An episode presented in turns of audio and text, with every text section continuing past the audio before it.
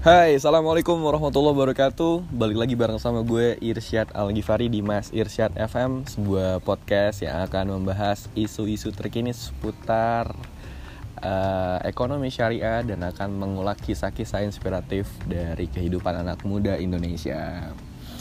Guys, kali ini gue lagi bareng sama Rafki Sosok anak muda yang sangat menginspirasi dari kampus Institut Pertanian Bogor Dan dia masih muda dan dia sudah berkeluarga. Nah, kali ini gue akan ngobrol-ngobrol tentang seputar uh, perjalanan dia mengambil uh, sebuah tanggung jawab yang lebih besar yaitu menjadi uh, seorang suami, bahkan menjadi seorang ayah di usia yang sangat muda. Gimana Bro Raffi kabarnya? Alhamdulillah baik ya Irsyad, akhirnya ketemu Irsyad lagi. Setelah sekian lama gak ketemu ya Abis dari mana nih kalau boleh tahu? Uh, kemarin baru balik dari Papua, baru kemarin banget, kemarin malam. Hmm. Itu abis lahiran istri dan baru boleh pulang, makanya saya baru bisa balik sekarang. Wow, abis lahiran istri, congrats ya bro. Semoga anaknya menjadi penerus dari ayahnya yang luar biasa keren ini. Amin, amin. Nah bro, uh, banyak banget anak muda di Indonesia yang uh, hari ini mungkin tanda kutip sedikit latah patah ketika melihat uh, ada fenomena nikah muda. Uh, mungkin mereka hanya melihat indah-indahnya aja nih dari sosial media. Ada seminar uh, pranikah atau seminar nikah muda misalnya gitu kan. Uh, padahal yang pasangannya baru nikah berapa bulan yang lalu tapi dia selebgram. selebgram. Nah, menurut lu apa sih makna nikah muda bagi bagi seorang Rafki? Nikah muda sebenarnya nggak jauh beda ya dengan nikah biasa. Maksudnya cuma bedanya muda. Menurut gue nikah pada dasarnya ya atas dasar lu siap. Kalau lu muda siap ya oke. Okay. kalau lebih tua juga siap ya nggak apa-apa. Simple itu. Jadi menurut gue bukan mudanya yang kita lihat tapi kesiapan sebenarnya Irsyad. Kesiapan ya? Berarti uh, menurut lu apa aja sih yang harus dipersiapin sebelum akhirnya kita mutusin oh gue harus nikah muda nih gue mau nanya balik ke Irsyad nih mumpung presnas sebelah gue hadis yang tentang ini apa yang orang-orang yang wajib untuk menikah jadi yang siap apa terus apa hmm. dijelasin dulu sih yang pernah gue tahu yang wajib menikah itu ketika dia sudah mapan secara uh, ekonomi secara jasmani lahiriah mungkin secara hmm. biologis dia juga udah sangat matang kemudian dia sudah tidak bisa lagi menahan nafsunya nada kutip. Nah itu makanya nah, itu. wajib nikah. Nah itu wajib. Eh, itu alasan saya nikah. Oh, jadi alasan nikah supaya lo melampiaskan tanda kutip hawa nafsunya lebih ke arah yang lebih positif yeah. daripada pergaulan bebas kayak gitu ya? Iya bisa jadi. Bisa jadi. Tapi memang dalam pernikahan lo juga butuh kesiapan. Hmm. dan tadi itu kan baru faktor pendorong untuk alasan lo menikah. Hmm. kalau apa kalau alasan-alasan kenapa lu harus menikah alasan dibalik itu menurut gua adalah ada kesiapan yang harus rinci. Contoh pertama mental. Yang kedua dana. Eh, ketiga mau belajar. Sebenarnya cukup tiga itu simple banget. Hmm.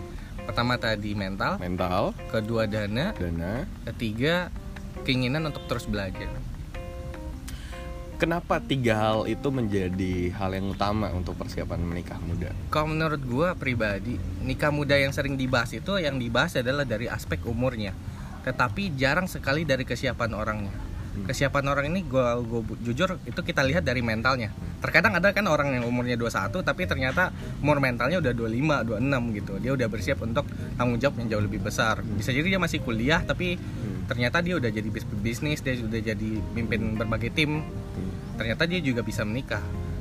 Makanya umur mental ini sangat penting di sini. Makanya uh, pernah gue jela jelasin di stories gue itu ada empat tahap sebenarnya dalam fase mental seseorang menurut gue pribadi. Pertama itu self awareness lupa makan diri lu sendiri. Mulai dari kekurangan kelebihan emosi sampai uh, akhirnya lu paham tentang diri lu di mana lu ingin apa? Mengekspos diri kemudian ingin terlihat di depan umum. Itu fase-fase di sana tuh. Jadi kalau ada kelihatan bocah-bocah nih kita kan udah tua nih kita kulangan tua kampus kan. Ngomong bocah boleh lah ya. Betul, betul. Uh, kalau ada bocah-bocah nih yang pamer historinya bla bla bla bla bla. Oh kita yang sekarang tuh udah bisa ngeliat oh ini masih dalam fase itu. Karena memang fase itu tuh mereka ingin ada eksistensi diri hmm. ada pengakuan dari orang lain. Hmm sebenarnya kalau dari kita pribadi berdua kan hmm. buat apa sih gitu kan? Betul. Yang kedua uh, fase mentalnya adalah self control self control self control ini di mana kita sudah paham diri kita sendiri. Kemudian kita mencoba untuk mengontrol emosi dan diri kita.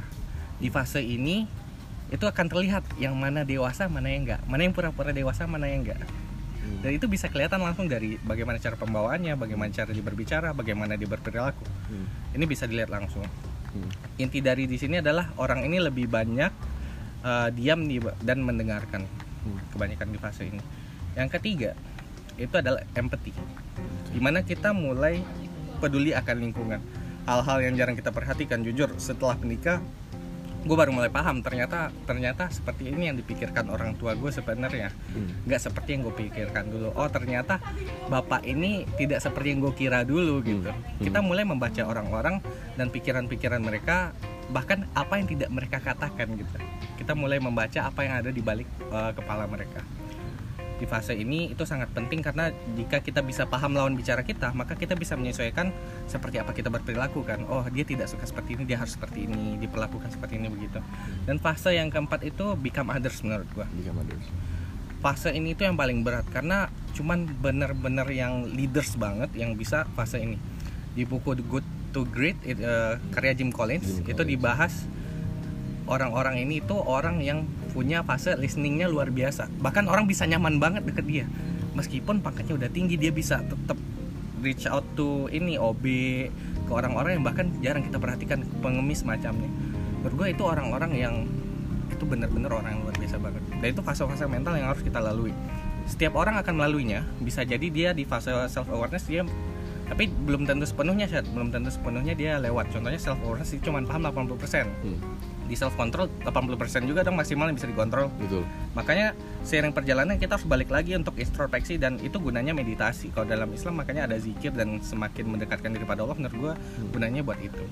Itu baru satu ya. Hmm. mental. Yang kedua dana. Nggak dipungkiri gue sejak menikah gue paham kebutuhan dana pernikahan nggak segampang yang dibilang orang dan bagi anak-anak muda yang gue kenal kebanyakan itu memang mereka berasal dari kalau bukan dari keluarga yang mendukung Hmm. privilege ada maksud gue alhamdulillah keluarga berkecukupan Hmm. yang membantu mereka selagi mereka belum bisa menafkahi diri mereka sendiri Hmm. ada juga yang memang sudah fokus langsung bekerja untuk dirinya sendiri Oke. kalau untuk kasus gue alhamdulillah gue dapat privilege dari keluarga alhamdulillah kita cukup bercukup berkucuk berkecukupan. Iya. sehingga eh, alhamdulillah sampai sekarang gue masih disupport. Even gue udah kerja gitu. Hmm. kan gue udah kerja. Mulai dari rumah mobil semuanya bener-bener disupport lah pokoknya. Nah gitu. Soalnya dalam pernikahan gue baru sadar seberapa besar dana untuk benar-benar hidup berdua benar-benar bahkan kita di hidup di BSDJ sekarang termasuk yang cukup sederhana begitu. Gitu. Yang ketiga terus belajar terus belajar maksud gue di sini adalah saat kita menikah anggaplah itu titik nol maka ini adalah sebuah journey sebuah journey sebuah perjalanan yang cukup panjang dan ini permainan yang panjang banget makanya kita harus terus belajar tentang pasangan kita Gak peduli kita seberapa lama kenal dia, seberapa paham menurut kita ke dia. Saat kita menikah itu buruk-buruknya kelihatan, baik-baiknya pun kelihatan. Hmm. Kita harus mulai ada manajemen ekspektasi kalau bahasanya. Jadi kita mulai belajar, oh gimana sih kita berperilaku saat dia seperti ini, bagaimana kita komunikasi saat dia seperti ini. Contohnya istri gue, istri gue tipe yang keras, dia nggak bisa diingetin waktu lagi salah. Hmm. Harus nunggu kesalahannya dulu, baru gue tegur secara simpel, dan dia akan paham. Hmm. ada timing-timing dan ada cara-cara komunikasi yang beda tergantung pasangan itu teman-teman harus belajar lagi dan itu perlu ditingkatkan lagi nah makanya masuk fase mental tadi itu penting gitu self awareness self control kalau kita nggak lepas di sana ya mungkin masalah kalian yang kecil aja bisa jadi masalah besar kemudian kalian bisa apa namanya bisa share di story stories nah itu sesuatu yang sangat berbahaya bahkan ada kasus kan yang nikah muda share di stories panjang ceritanya Iya. ya kita nggak bahas orang ya Iya. Nggak bahas orang ya Iya, ya udah. Oke. udah, udah. Oke gitu chat. Oke, oke bro, karena kita dibatasi oleh durasi dan buat teman-teman yang tadi sudah uh, mendengarkan uh, tips dan trik dan mungkin perjalanan Rafki untuk menikah muda, semoga menikah muda tidak hanya ikut-ikutan uh, fenomena aja, tapi teman-teman juga mempersiapkan tadi, mempersiapkan mental, dana dan harus selalu mau belajar.